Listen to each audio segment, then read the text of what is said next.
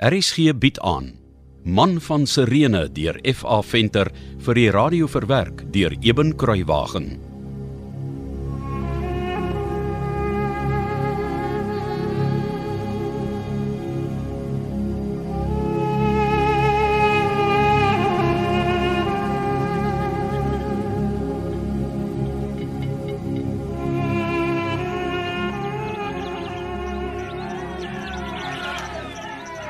Ek het gewonder hoekom die pelgrimskamp amper leeg is. Dit lyk my almal is hier voor Kajafas se huis. Om die waarheid te sê, ek dink die hele Jerusalem is hier saamgedrom. Dis mense van oral oor sien ek nou. Nie net Jode en inwoners van Jerusalem nie. Wat gaan hier aan? Het jy nie gehoor nie? Wat? Nou, toe die nuwe dag breek, het die nuus soos 'n veldbrand versprei. Wat se nuus? Die timmerman van Galilea het glo aangekondig hy's die seun van die verbondsgod van Israel. O, oh, dit. Ja, ek het ek het dit gisterand gehoor. Hy het dit vir Kajafas gesê. Was jy dan gisterand hier toe die priesterhoofde en skrifgeleerdes hom verhoor het? Ja. Bring hom uit. Dis 'n farseer, né? Gaan hulle die Nasareëner stenig? Nee, ons kan hom nie stenig nie. Maar kom nie hy's aanskuldig. Net Pilatus kan die doodstraf uitspreek. Die Sanhedrin het nie die mag nie. Heren van julle. Houd asseblief. Asseblief, luister na my as die hoofpriester van die volk van Israel. Dankie. Vir diegene wat nog nie weet nie, aan die nag wat pas verby is, het ons, die priesterhoofde, familiehoofde en die skrifgeleerdes, Jesus die Nasareëner gevange geneem en verhoor. Dankie, dankie, dankie.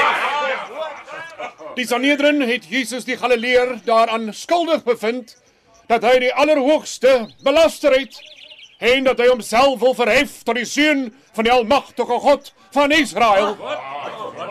Daarom word hy nou van hier af stilte, stilte asseblief. Dankie.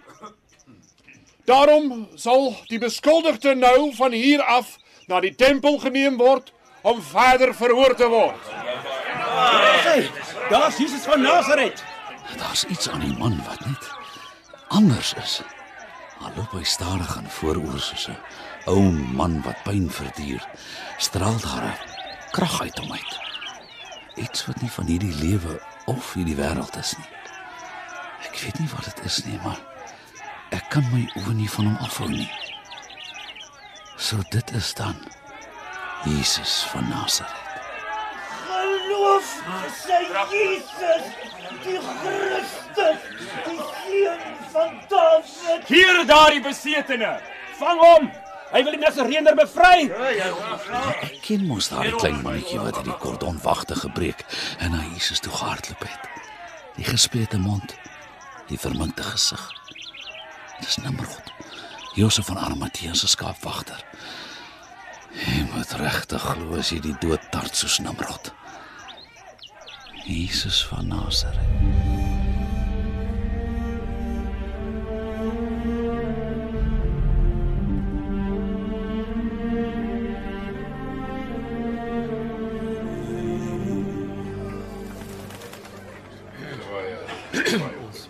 Uh, geagte lede van die Sanhedrin. Nou dat die formaliteit van die verhoor verby is, moet ons die taktik bespreek wat ons moet volg om Pontius Pilatus te ooreed om die doodstraf oor die Nasareëner uit te spreek. Pilatus is 'n geslepe Romein. Die aanklag moet onweerlegbaar wees. Ja, natuurlik. Pilatus sal ons probeer uitoorlê net om ons te dwarsboom. Ons ken hom mos so. Maar ek dink wanneer ons seker is van die formulering van die aanklag, stuur ons 'n boodskapper vooruit na hom. En wat sal die boodskap wees? 'n Mededeling dat die hoogeerwaarde Sanhedrin, sy hoogedelagbare die goewerneur wil spreek oor ene Jesus van Galilea wat skuldig bevind is aan 'n misdaad wat die dood verdien. Dankie, geagte lede van die Sanhedrin. Laat ons nou die aanklag formuleer sodat ons die Nasareëner na Pilatus se paleis kan begelei.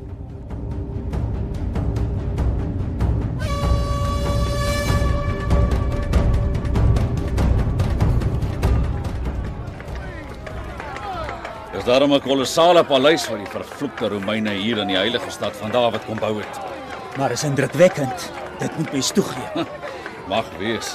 Maar elke keer as ek die arend met die uitgespreide vlerke sien, soos die een bo op die poort na Pilatus se paleis, voel ek die haat in my opstoot. Ek kan dit nie help nie. Vergeet vandag vir eers van die Romeine. En kyk na al die weelde om jou. Wanneer gaan jy weer die kans kry om dit te sien? Ek sou eerder wil sien hoe die ware Messias hierdie kasarm tot op die fondament afbreek. Kyk net al die pragtige blomprele. Omtrent so ver as wat 'n mens se oog kan sien. En het jy al in jou lewe sulke marmervisdamme gesien? Met sulke gekleurde visse in. En kyk net al die hoogstamrose. Wat dink jy van die diepgroen ronde boontjies aan weerskante van die wandelpad? Ek ek dink hulle staan tot aan die ander kant by die trap na die ingang van die paleis. sien jy? Ek sien geen niks wonderliks nie. Al wat ek sien is hoe hulle die ewige stad kom ontheilig het met hierdie stukkie vieslike rome. Ek was nog nooit op hierdie yslike marmerplein voor die paleis nie. Was jy? Nee. Ek wil net sien wat hulle gaan maak met die Nasarene. Ek gee nie 'n flenter om vir Pilatus se marmerplaveisel nie. Kyk die mosaïekwerke. Dit lyk soos groot prestasies van Rome, veldslaan, seesla. En dink jy daardie mosaïek het iets te doen met hulle gode? Ek weet nie en ek gee ook nie om nie. Dis interessante kleure, né? Swart, groen en rooi. O, oh, ek hou daarvan. Is werklik baie mooi. Hoekom gaan sê jy nie vir Pilatus? Jy wil graag die verhoog tussen daardie twee spuitfonteine elke dag vir hom kom was nie. Hm? Wat gaan aan met jou? En as jy klaar is met die verhoog, sal jy die vergulde regterstoel met die arend op die rugleuning vir hom poleer ook. Of wil jy eerder een van daardie groot Romeinse soldate wees, hè? Met 'n bruin gesig en gespierde arms. O oh, nee nee nee, wag, wag, jammer. Jy's te kort en maar. Alwaarvoor jy dalk sal deeg is om 'n badkamerslaaf te wees wat 'n Romeinse nagpot soggens moet gaan leegmaak. Ongeskik. Irriterende skepsel. Die kort dikkerige Romein met die deftige laurierkraans op die blankaal kop is nou seker Pilatus. Dink hy kry 'n bietjie koud in sy purper toga daar op die verhoog. Die gepepe vertrap met my lenteblomme. Van hulle staan tot in my visdamme. Ek laat hulle sommer met swepe verjaag. Ons nog nog koud hier. Maar die ou spul fanatiese Joodse leiers wil mos nie hulle vuil voete in my paleis sit nie. Dit sal hulle konsuis besoedel. Het ek tog die ou hoofpriester Caiaphas en die Joodse leiers nader wink sodat ek die klug agter die rug kan kry. Die man wat daar agter hulle aankom. Sy gewrigte en enkels vasgebind met toue. Die is nou seker die arme beskuldigde. Toe. Ek wink vir julle. Kom nou. Hoogedelagbare goewerneur Pilatus, die hoogeerwaarde Sanhedrin, dank u vir die geleentheid wat u ons bied om ons saak aan te hoor. Wat is die aanklag teen die gevangene? Ons het hom klaar verhoor en skuldig bevind. U moet hom net straf. Ek haat hierdie Jode. Maar die bitterheid en frustrasie in die hoë priestersisteem vul my met groot genoegdoening. Ek sal sin tarte dit op prekens doen. Om hulle voor die gepeupel af te takel. As julle hom dan skuldig bevind het, waarom kom julle na my toe? Gaan straf hom kragtens julle eie wet. Moet Rome dan al die beslissings vir julle vel? En hoe kan ek 'n man straf wat ek nie verhoor het nie? U weet tog goed, dit is nie vir ons wettig om die doodstraf oor iemand uit te spreek nie. En wat het hierdie arme man tog gedoen dat hy moet sterf? Hy het homself verhef tot die seun van die almagtige God van Israel. Stil, stil, stil, stil tog. Kan nie nou almal gelyk luister nie? Hierdie man sê hy's 'n koning. Wat sal die keiser daarvan sê? Veel vloeke. Die Jode kan soms so slinks wees. As u raadgewer wil ek u ernstig aanraai om te dink aan die groot Tiberius. U moet nou versigtig wees. Natuurlik. Ek weet wat ek doen. Ek sal my taktiek moet verander. Miskien moet ek eers alleen met die beskuldigde praat. Bring die gevangene die paleis binne. Verbondsvolk van die Almagtige.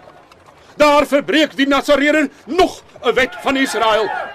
Daar sien julle nou self hoe hy hom skaamteloos vir julle almal verontreinig deur die paleis van 'n heiden binne te gaan. Hy verbreek al die wette van Israel. Laat ons hom sommer nou stenig.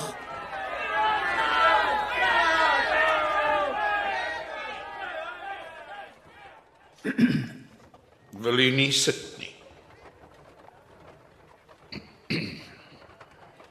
Is ehm um, is u die koning van die Jode?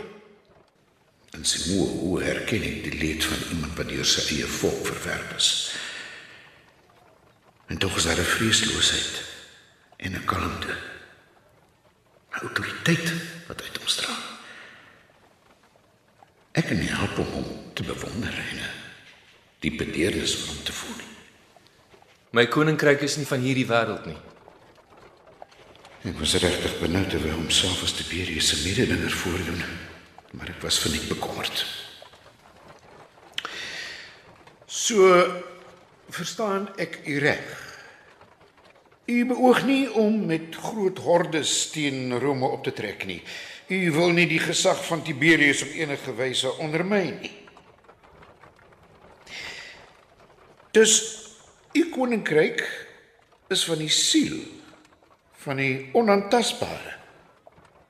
U is koning oor harte terwyl die deurligtige Tiberius 'n keiser is oor die liggame van mense, oor lande, vlote en leermagte, oor paleise en vestes. U koninkryk lê op die terrein van die gewete van van die dees. Is dit die verskil? U meen u koninkryk is ewig en grensloos. Terwyl die koninkryk van die keiser tydelik en begrens is. Is dit u bedoeling wanneer u sê u koninkryk is nie van hierdie wêreld nie? Ah. Hy antwoord wel nie. Maar hy betwis ook nie my afleidings nie. Ek is tevrede en oortuig van die man se onskuld. Hy is geen bedreiging vir die Romeinse ryk nie. Hier is ongetwyfeld twee verskillende koninkryke ter sprake. Bring die gevangene terug na buite. RSG se middagvervolgverhaal Man van Sirene deur F.A. Venter is vir die eerste keer in 1957 uitgegee en is in 2016 heruitgegee deur Lux Verbi. Die produksie word akoesties beheer deur Cassie Lauis en die verhaal word in Kaapstad opgevoer onder regie van Joni Combrink.